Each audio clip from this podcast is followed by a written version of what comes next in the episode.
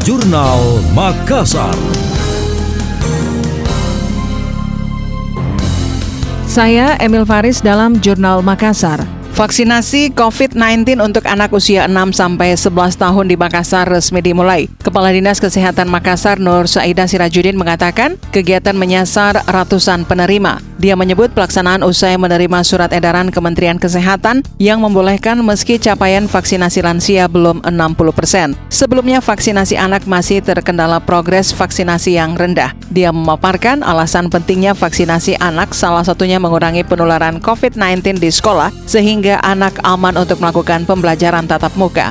Ya dua hari tiga hari yang lalu ada kembali surat edaran dari Kemenkes bahwa seluruh provinsi kabupaten kota boleh melakukan vaksinasi anak 6 sampai 11 tahun dikarenakan anak-anak sekarang sudah melakukan pembelajaran tatap muka. Jadi itu lagi kebijakan Kementerian Kesehatan terkait dengan vaksinasi anak. Jadi kita di Kota Makassar juga sudah sudah lakukan juga vaksinasi itu kemarin pertama di Mall Pipo. Mall Pipo itu kurang lebih 400 vaksin untuk anak-anak. Nah, terkait dengan vaksinasi di sekolah itu kemungkinan besar kami nanti di akhir Januari atau di awal Februari karena kami konsentrasi dulu.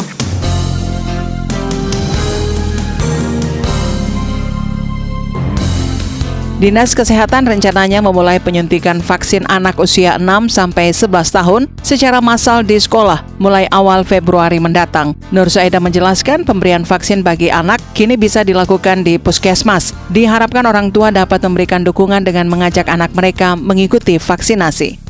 Anda masih mendengarkan Jurnal Makassar dari Radio Smart FM.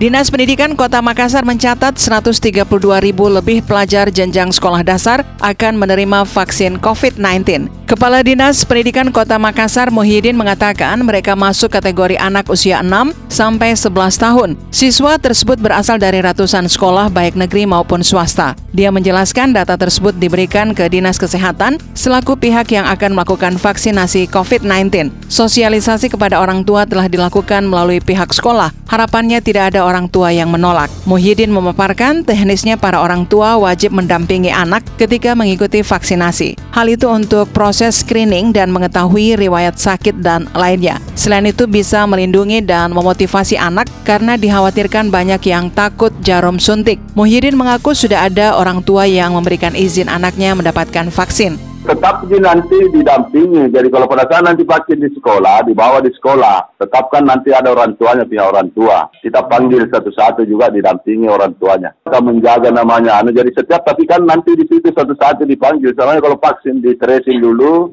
setelah tracingnya sudah anu bahwa itu tetap orang tuanya nanti hadir karena kita kan kita tidak melakukan vaksin tanpa persetujuan orang tua. Kalau berdasarkan data yang ada di kami itu kurang lebih 132 ribu siswa. Terima kasih untuk SD, yang SD.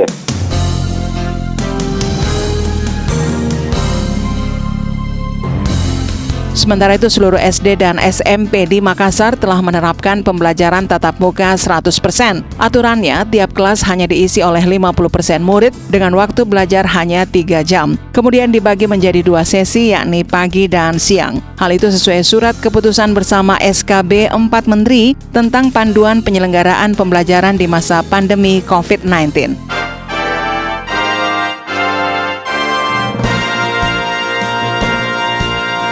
Demikian tadi, Jurnal Makassar.